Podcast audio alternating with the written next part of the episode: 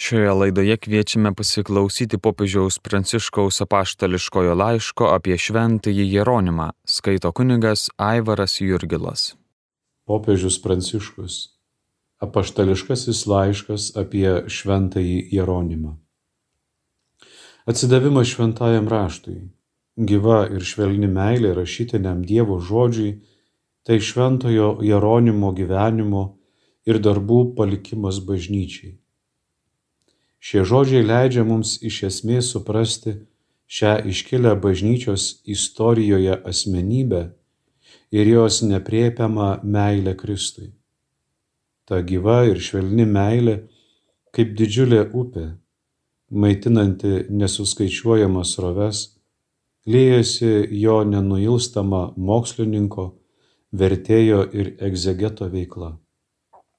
Jeronimas nuodugniai išmanė raštus, uoliai juos kleidė, įgudusiai aiškino biblinius tekstus, karštai ir kartais nekantriai gynė krikščionišką tiesą, buvo asketiškas, laikėsi griežtos eremitiškos drausmės.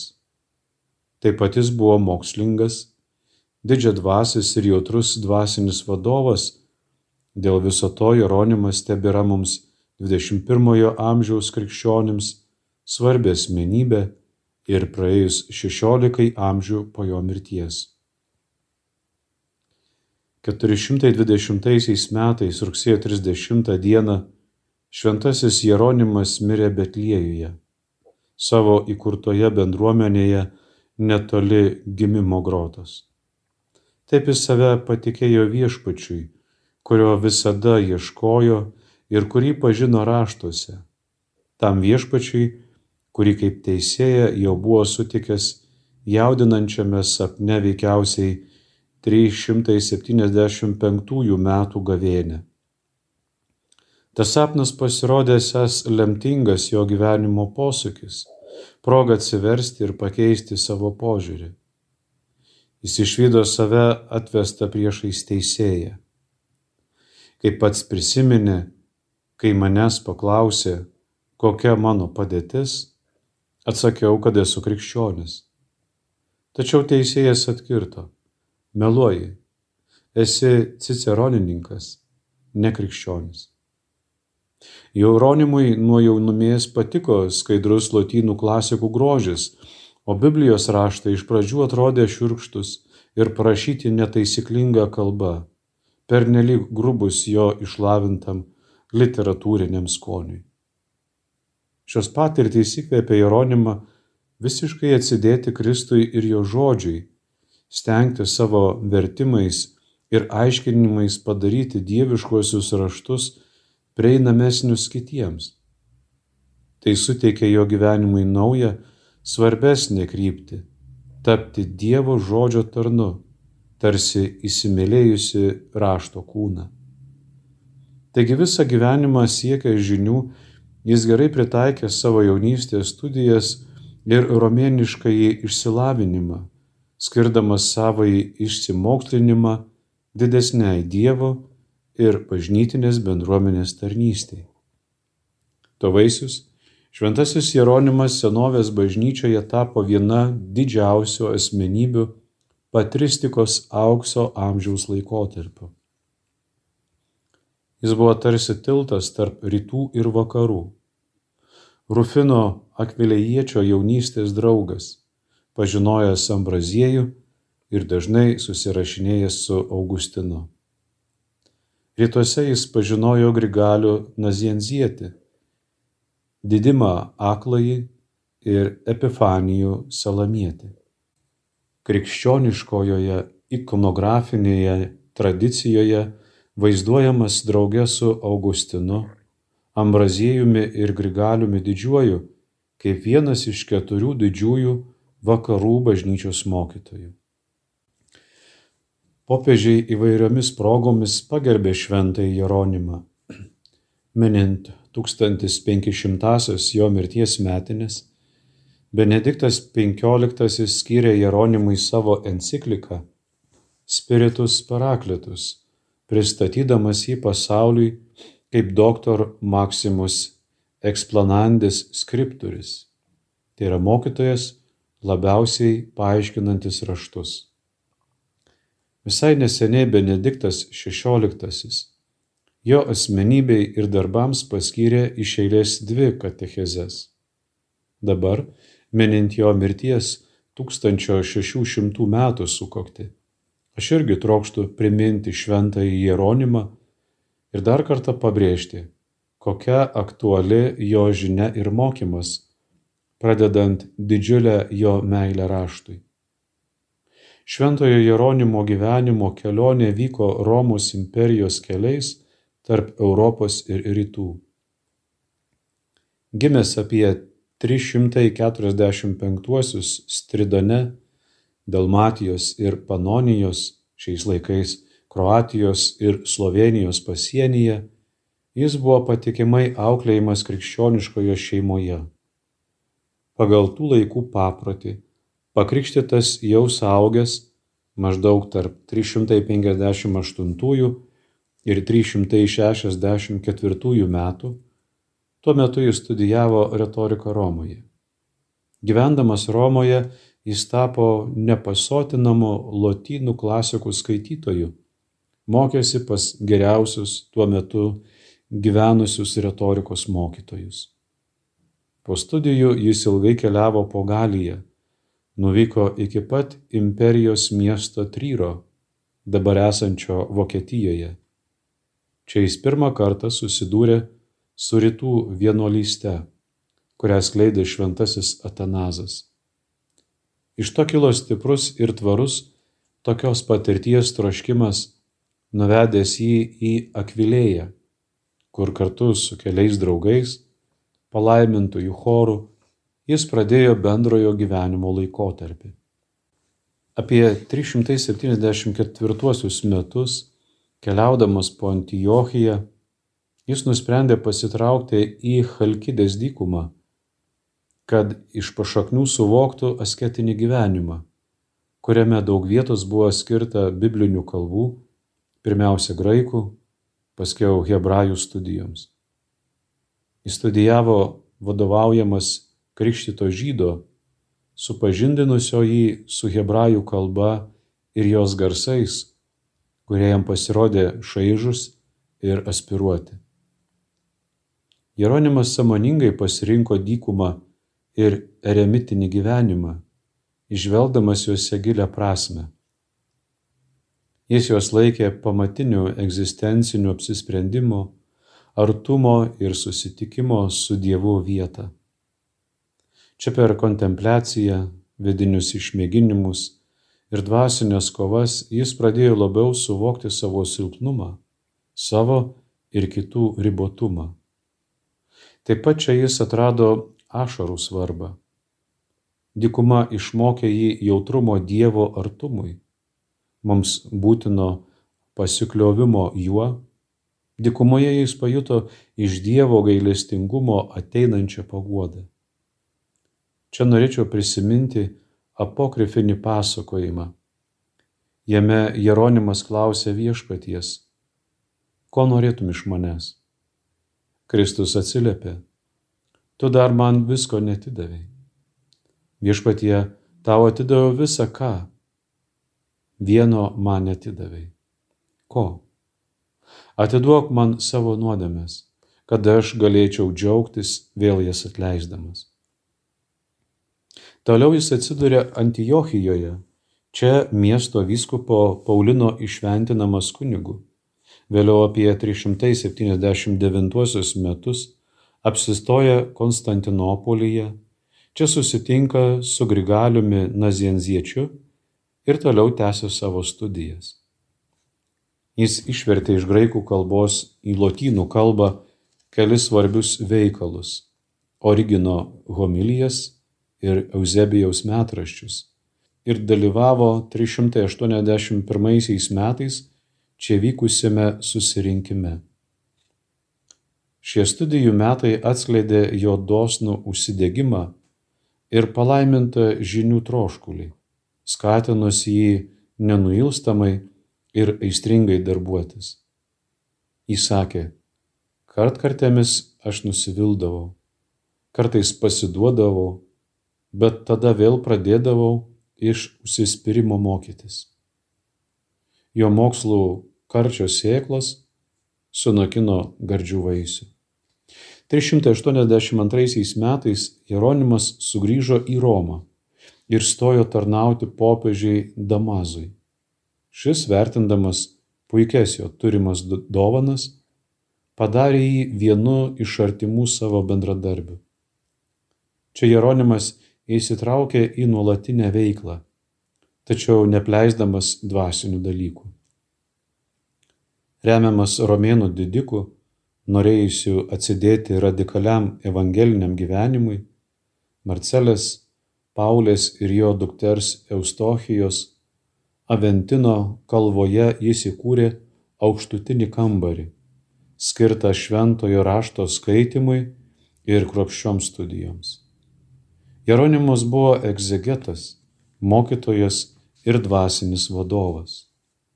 Tuo metu jis ėmėsi peržiūrėti ankstesnius lotiniškus Evangelijų vertimus, galbūt ir kitas Naujojo testamento dalis.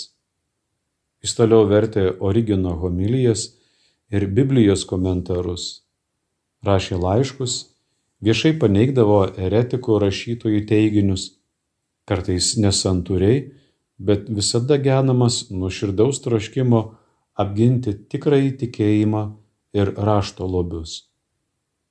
Šį įtemptą ir vaisingą laikotarpį nutraukė popiežiaus Damazo mirtis. Jeronimas buvo priverstas išvykti iš Romos, jo pasiekė draugai ir kelios moterys, trokštančius toliau gyventi dvasinį gyvenimą ir tęsti jau pradėtas Biblijos studijas. Atvykęs į Egiptą susitiko su didžiu teologu Didimu Akluoju. Tada nuvyko į Palestiną ir 386 metais galutinai įsikūrė Betliejuje. Jis vėl pradėjo tyrinėti Biblijos tekstus, studijas įsišaknydinės tose vietose, apie kurias šie tekstai pasakojo. Kokios svarbios Jeronimui buvo šventosios vietos, matome ne tik iš jo apsisprendimo gyventi Palestinoje, nuo 386 iki mirties, bet ir iš jo pagalbos piligrimams.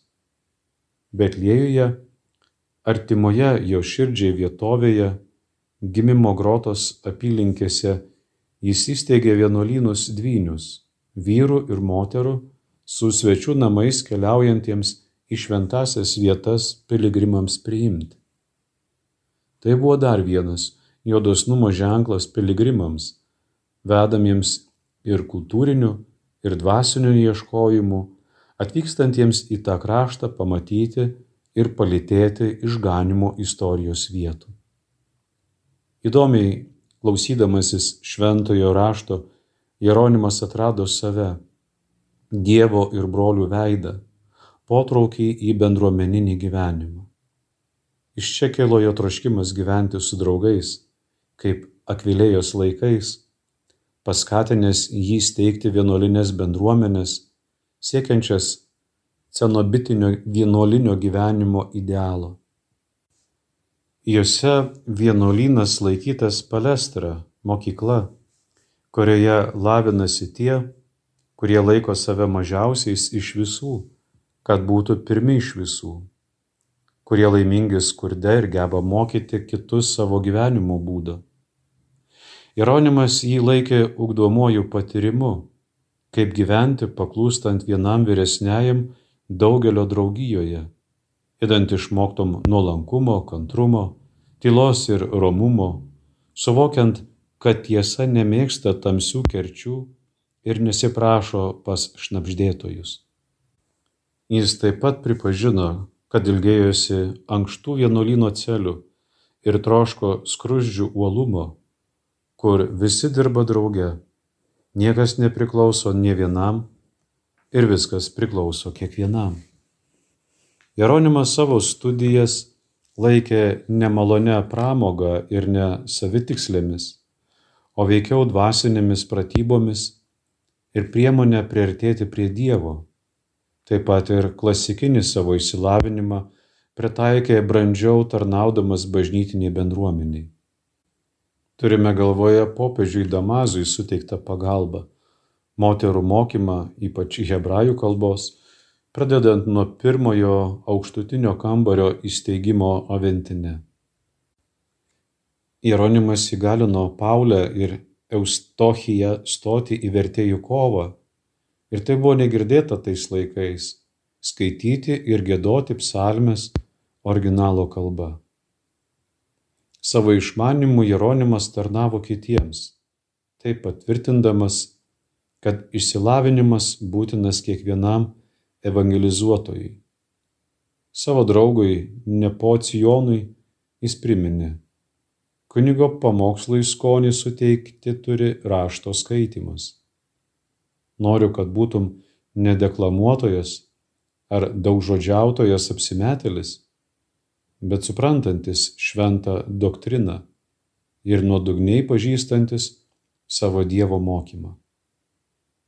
Neišmanantiems žmonėms būdinga svaidytis tuščiais žodžiais ir užkariauti nepatyrusių žmonių susižavėjimą malant liežuviu. Neturintis gėdos neretai aiškina, ko patys neišmano ir dedasi dideliais žinovais vien todėl, kad jiems pavyksta įtikinti kitus.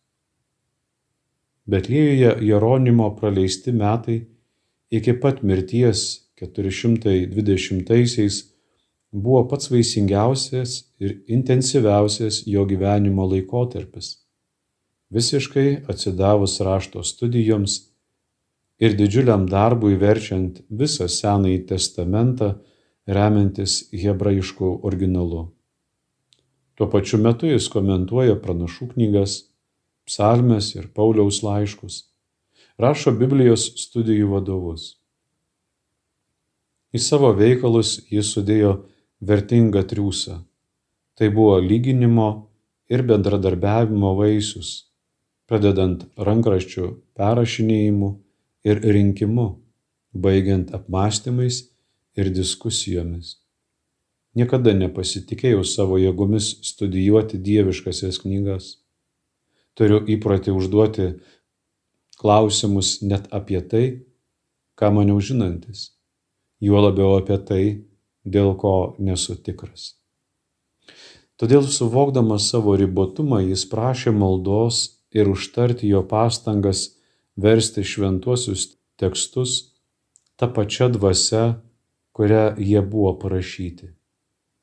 Nepamiršo jis išversti ir egzegezijai būtinų autorių, tokių kaip Origenas, kūrinių, kad padarytų juos prieinamus norintiems nuodugniau studijuoti šią medžiagą. Jeronimo mokslinė veikla atsiskleidžia kaip pastangos bendruomenėje ir tarnaujant bendruomeniai. Ji reikalo susirinkti, sinodiškumo pavyzdys ir mums, mūsų laikams bei įvairioms kultūrinėms bažnyčios institucijoms kad jos visada būtų vieta, kurioje žinios tampa tarnyste, nes be žinių, gimstančių bendradarbiaujant ir tampančių bendradarbiavimu, nevyksta tikra ir integrali žmogaus raida. Tokios bendrystės pamatas yra raštas, kurio negalime skaityti vieni. Įkvepiant šventai dvasiai, Biblija buvo parašyta Dievo tautos ir Dievo tautai Tik bendrystėje su Dievu tauta galime, kaip mes, tikrai prasiskverbti iki paties Dievo mums pasakyti norėtos tiesos šerdies. Dievo žodžio maitinama stipri gyvenimo patirtis leido Jeronimui, rašusiam daug laiškų, tapti dvasios vadovu. Jis daugelį tampa kelionės palidovu, įsitikinęs, kad jokio meno neišmokstama be mokytojo.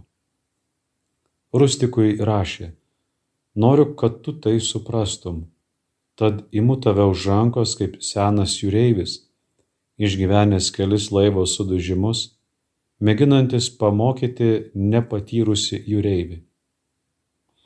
Iš to taikaus pasaulio kampelio jis sekė žmonijos istoriją didžių perversmų epochoje paženklintoje tokių įvykių, kaip labai jį sujaudinęs Romos nusiaubimas 410 metais.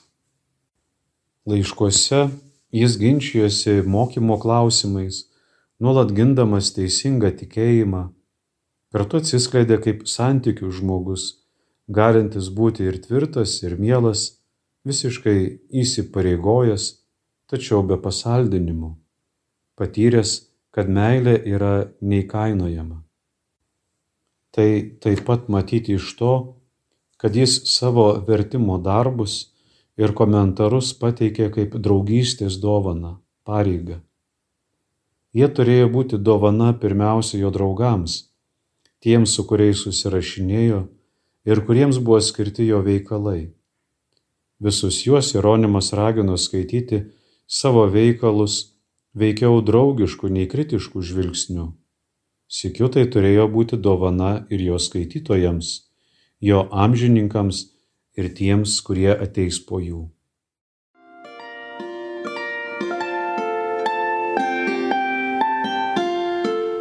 Jūs girdite Marijos radiją.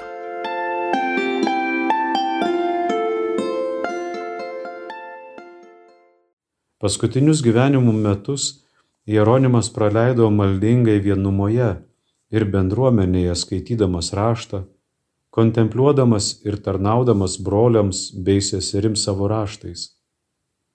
Visa tai vyko Betliejuje, netoli grotos, kurioje iš mergelės Marijos gimė amžinasis žodis.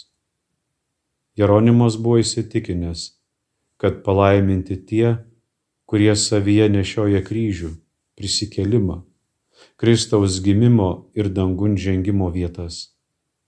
Palaiminti tie, kurie savo širdyje turi Betliejų, kurių širdyse kasdien gimsta Kristus. Norėdami iki galo perprasti šventojo Jeronimo asmenybę, turime suvienyti dvi plotmes, nusakančias jo kaip tikinčiojo gyvenimą, viena vertus absoliutų ir griežtą atsidavimą Dievui, visokio žmogiško pasitenkinimo atsižadėjimą iš meilės nukryžiuotam Kristui. Ir kita vertus, atsidėjimą kropščioms studijoms, turint tikslą vis labiau suvokti krikščionišką įslėpinį. Šis šventojo Jeronimo įstabus liudijimas gali būti pavyzdys pirmiausia vienuoliams, nes visi gyvenantys asketišką ir maldingą gyvenimą yra raginami atsidėti reikliam tyrimų ir apmąstymų darbui. Drauge tai pavyzdys mokslininkams, kuriems būtina niekada nepamiršti, jog žinios turi religinę vertę tik tada, kai jos grindžiamos išskirtinė meilė Dievui, atmetus visus žmogiškus užmojus ir pasaulietiškus siekius.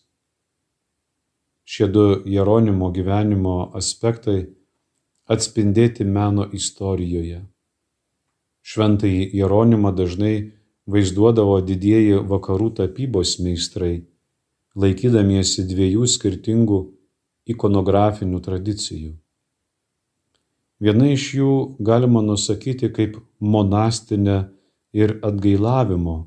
Jeronimas buvo vaizduojamas pasniko išsekintų kūnų, gyvenantis dykumoje suklupęs ar kniūkščias ant žemės, daugeliui atveju įsikibęs į uolą ir besimušantis į krūtinę, nukreiptomis į nukryžiuotąjį viešpatį akimis. Šiai tradicijai priklauso jaudinantis Leonardo da Vinci šedevras, dabar saugomas Vatikano muziejuje.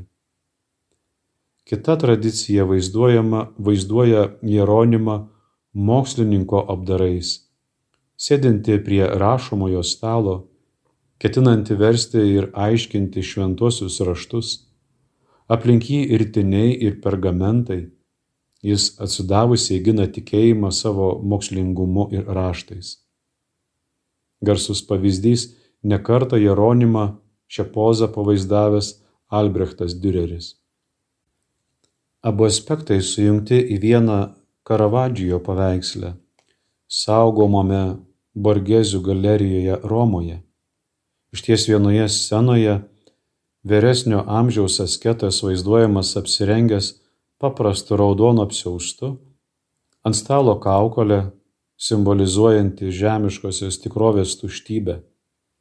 Vis dėlto sikiu jis akivaizdžiai vaizduojamas kaip mokslininkas. Jo akis nukreiptos į knygą, o ranka mirko plunksna rašale. Rašytojai būdingas veiksmas.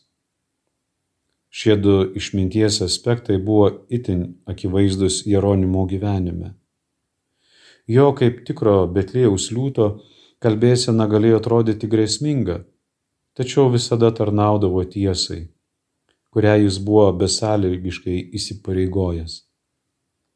Savo pirmajame veikale Šventojo Pauliaus tėvų atsiskyrėlio gyvenimas jis paaiškino, kad liūtai gali ne tik reumoti, bet ir verkti. Iš pradžių atrodžiusius du paskirtus šventojo Jeronimo charakterio aspektus, šventoji dvasia sujungia vidinio brandinimo vyksmo.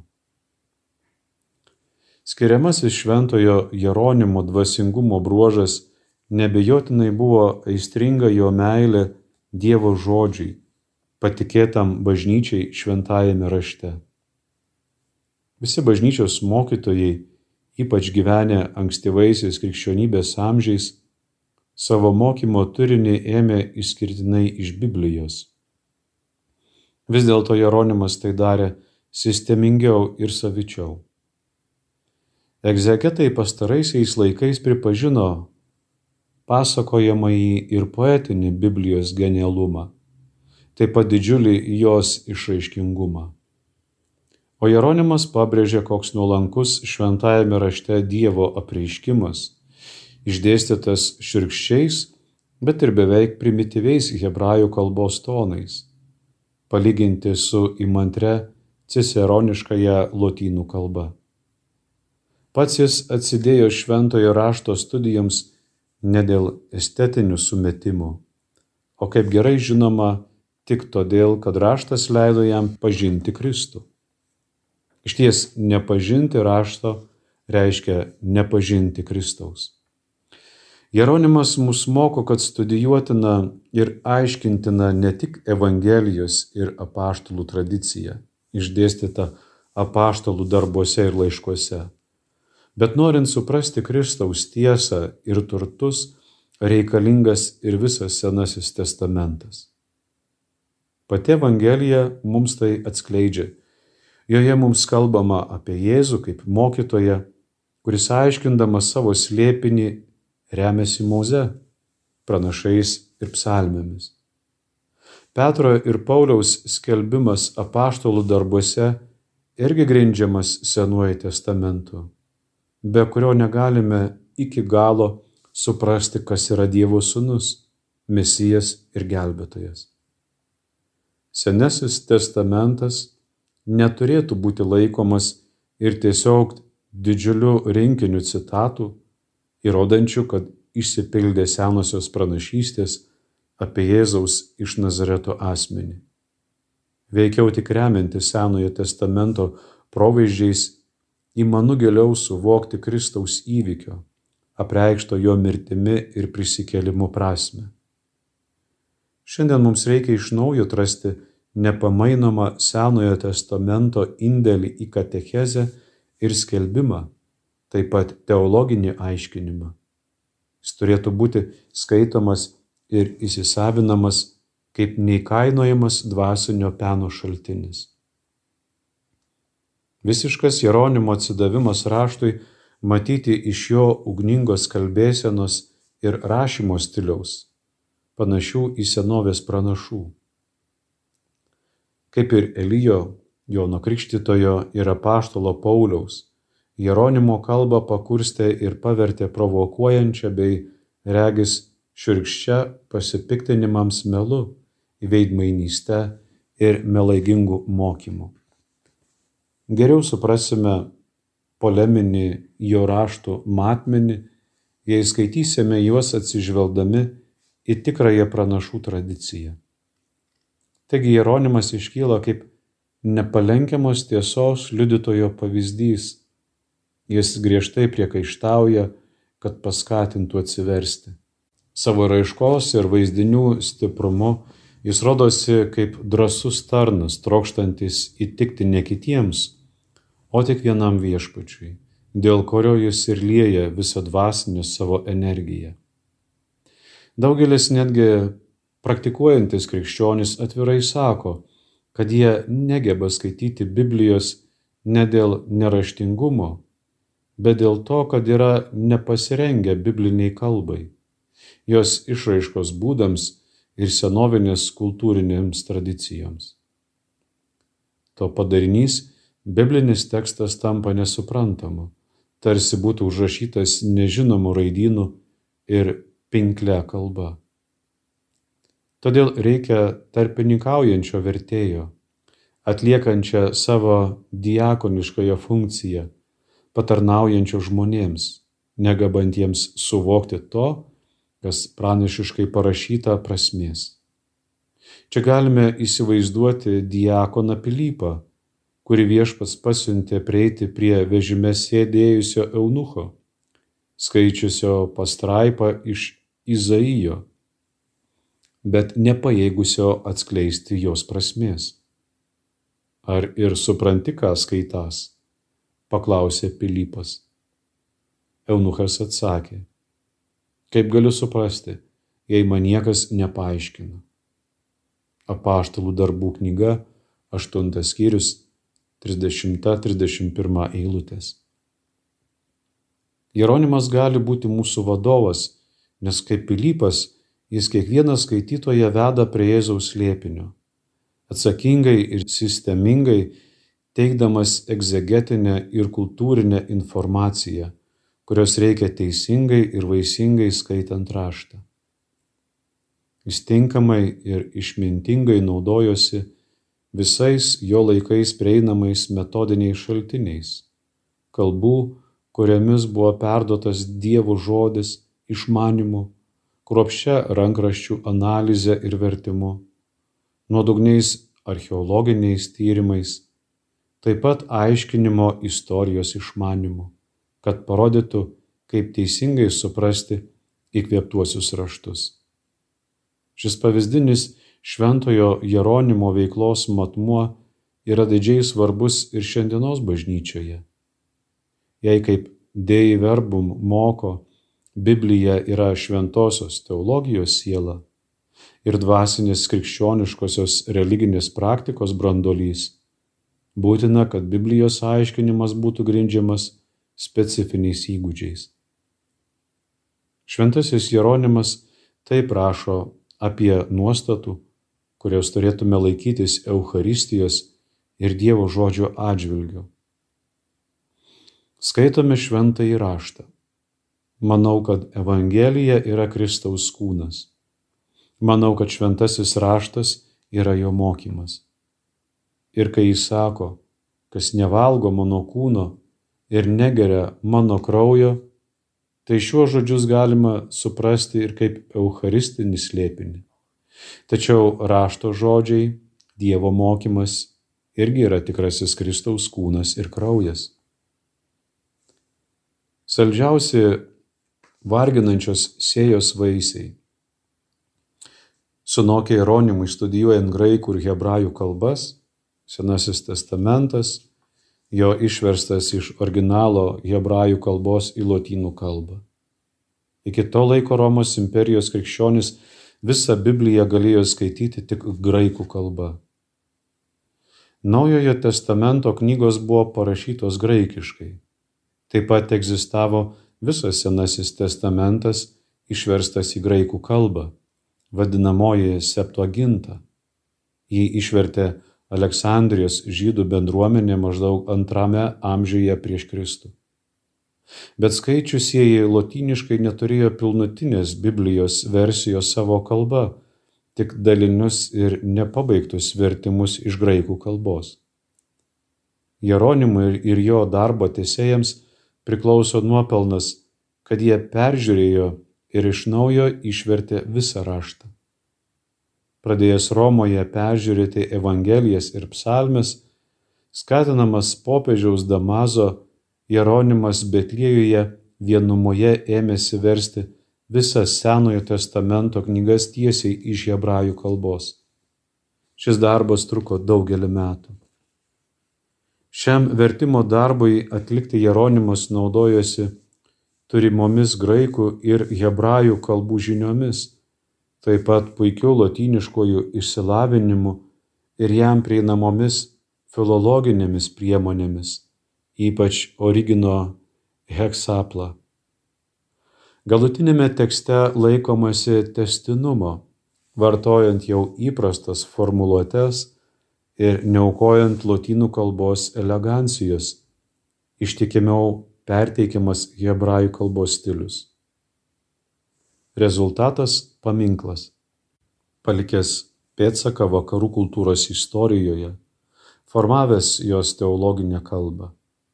Jeronimo vertimas, nors iš pradžių susilaukė šiek tiek atmetimo, veikiai tapo bendru tiek mokslininkų, tiek eilinių tikinčiųjų paveldu. Iš čia pavadinimas vulgata. Viduramžio Europą mokėsi skaityti, melstis ir mąstyti iš Jeronimo verstos Biblijos puslapių. Šventasis raštas tapo savotišku nepriepiamu žodynu ir ikonografiniu atlasu, maitinusiu krikščioniškąją kultūrą ir meną. Literatūrą, meną ir netgi liaudės kalbą tolydžio formavo Jeronimo Biblijos vertimas, palikdamas mums didžius grožio ir maldingumo lobius. Versdamas Bibliją, Jeronimas ją vykusiai įkultūrino į lotynų kalbą ir kultūrą. Jo darbas tapo nuolatiniu misionieriškos bažnyčios veiklos pavyzdžiu. Tiesą sakant, kokiai nors bendruomeniai priimant išganimo skelbimą, šventoji dvasia praturtina jos kultūrą suteikdama jai perkeičiančios Evangelijos jėgos. Čia randasi tam tikra apykaita, kaip Jeronimo vertime itin akivaizdus skoliniai iš klasikinės lotynų kalbos ir kultūros, taip ir pats jo vertimas savo kalba, simboliniu ir itin vaizdingu turiniu savo ruoštu tapo kultūros kuriamuoju elementu. Jeronimo vertimo darbas mus moko, kad kiekvienos kultūros vertybės ir pozityvūs pavydalai praturtina visą bažnyčią. Kiekviename naujame vertime Dievo žodis skelbiamas, suprantamas ir patiriamas skirtingais būdais. Tai praturtina patį raštą, nes pasak gerai žinomo Grigaliaus didžiojo pasakymo, raštas auga su skaitytoju, amžiams bėgant įgaudamas naujų akcentų ir naują atskambį. Biblijai ir Evangelijai įžengiant į skirtingas kultūras, bažnyčia vis akivaizdžiau tampa nuotaka, besidabinanti veriniais. Palyginti Izaijo 61 skyrius 10 eilutė. Draugė jį liudyja, kad Bibliją nuolat reikia versti į kiekvienos kultūros ir kartos lingvistines ir mąstymo kategorijas, įskaitant sekuliarizuotą ir globalią mūsų laikų kultūrą. Vertimas siejasi ne tik su kalba, bet iš tikrųjų atspindi ir platesnį etinį sprendimą, susijusi su visa pasaulyje žiūra. Be vertimo skirtingos kalbinės bendruomenės negebėtų tarpusavėje bendrauti užvertume istorijos duris vienas kitam ir paneigtume galimybę statydinti susitikimo kultūros statinį.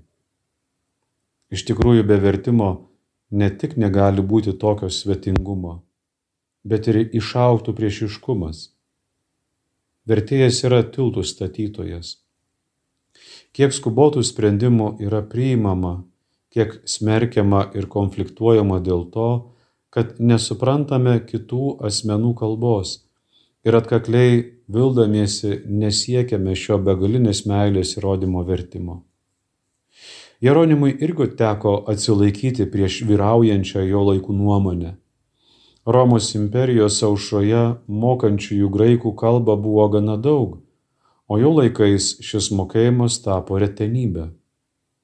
Jeronimas tapęs vienu geriausių krikščioniškosios graikų kalbos ir literatūros žinovų, imdamasi studijuoti hebrajų kalbą, leidosi į dar sunkesnę ir vienišesnę kelionę. Jei, kaip sakoma, mano kalbos ribos yra mano pasaulio ribos, galime tarti, kad dėl šventojo Jeronimo daugelio kalbų išmanimo visapusiškiau suvokiame krikščionybę ir nuodugniau suprantame jo šaltinius.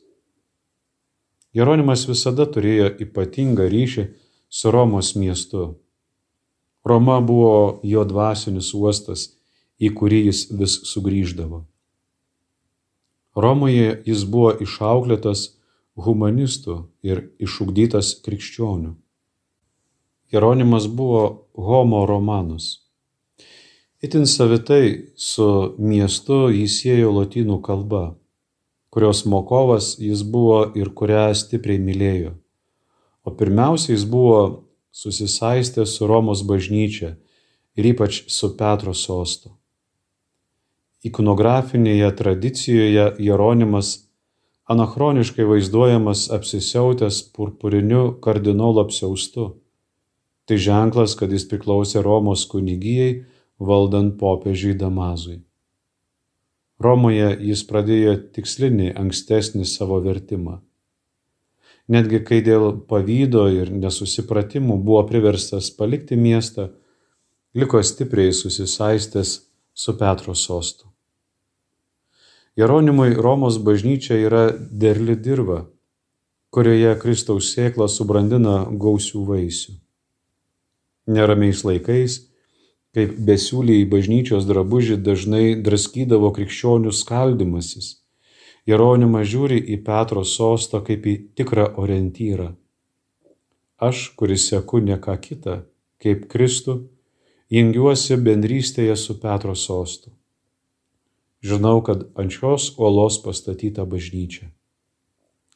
Vykstant ginčiams prieš Arijonus jis rašė Damazui. Tas, kuris nerenka su tavimi, barsto. Kas nėra Kristaus, yra antikristo. Todėl Jeronimas galėjo tai pateikti. Kas yra susivienijęs su Petro sostu, tas yra mano. Jeronimas dažnai dalyvaudavo aštriuose ginčiuose dėl tikėjimo. Jis taip pat mylėjo tiesą ir karštai gynė Kristų, kad galbūt perlinkdavo lasdą savo laiškuose ir raštuose, praktrūdamas smarkiais žodžiais. Vis dėlto jis gyveno siekdamas ramybės. Aš irgi noriu ramybės. Ir ne tik noriu, bet ir maldauju. Tačiau aš noriu Kristaus ramybės, tikros ramybės, ramybės be priešiškumo, taikos, kurioje nebeslypi karas, taikos, kuri nepavergia priešininkus, bet suvienyje draugystėje. Šventasis Jeronimas buvo ne tik vienas iš didžiųjų bibliotekos mokslininkų. Bibliotekos, kuri laikui bėgant praturtino, pradedant šventųjų raštų lobiais, krikščionybę, bet jam pritaikytina ir tai, ką jis pats parašė apie Nepocijoną. Stropiai skaitydamas ir nuolat apmastydamas, jis pavertė savo širdį Kristaus biblioteka. Jeronimas negailėjo pastangų savo bibliotekai praturtinti. Ja jis visada laikė būtina tikėjimo ir dvasinio gyvenimo supratimo dirbtuve. Tai yra puikus pavyzdys ir dabarčiai. Bet jis ėjo toliau Jam studijos neapsiribojo lavinimuose jaunumėje metais. Tai buvo nuolatinis įsipareigojimas, kasdienė jo gyvenimo pirmenybė. Trumpai tariant, galime sakyti, kad jis įsisavino visą biblioteką ir daugelį kitų tapo žinių šaltiniu.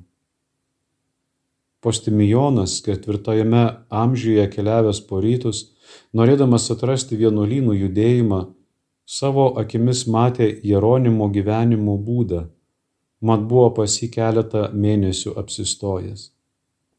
Jis jį taip nusakė. Jeronimas visada užsiemė skaitimu, visada įnikęs į savo knygas. Jis nesilsi nei dieną, nei naktį. Nuolat ką nors arba skaito, arba rašo. Šiandien jaunas žmogus savo mieste užėjęs į knygyną ar lankydamasis interneto svetainėje ieško religinių knygų skyriaus. Daugumą atveju šis skyrius, jei jis ir yra, būna nugrūstas į pašalį. Jame trūksta reikšmingų veikalų.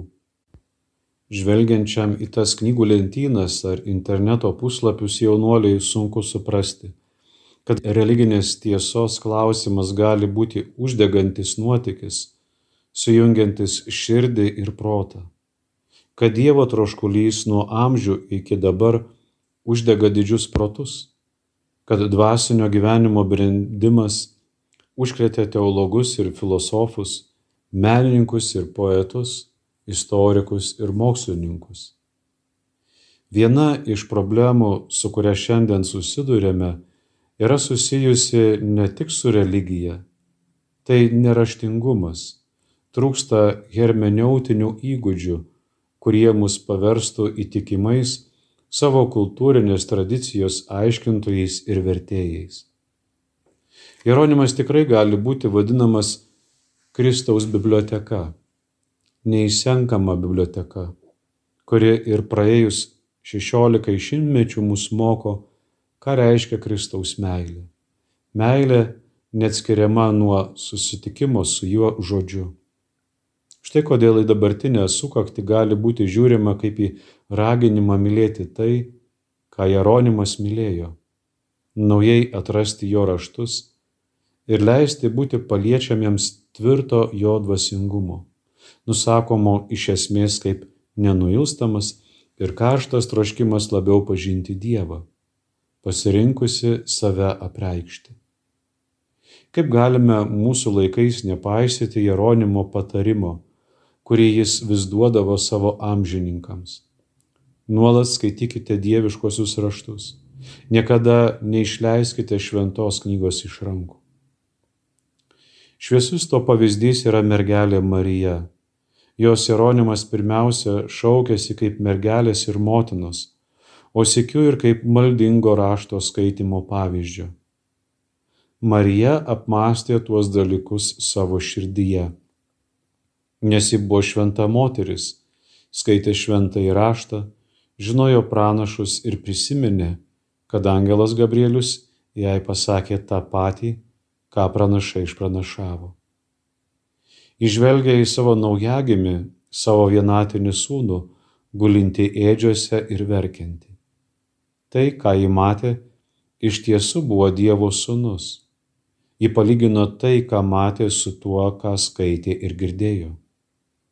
Tad patikėkime save Dievo motinai, kuri labiau nei bet kas kitas gali išmokyti mus skaityti, medituoti, kontempliuoti ir melstis Dievui be paliovos ateinančiam į mūsų gyvenimą.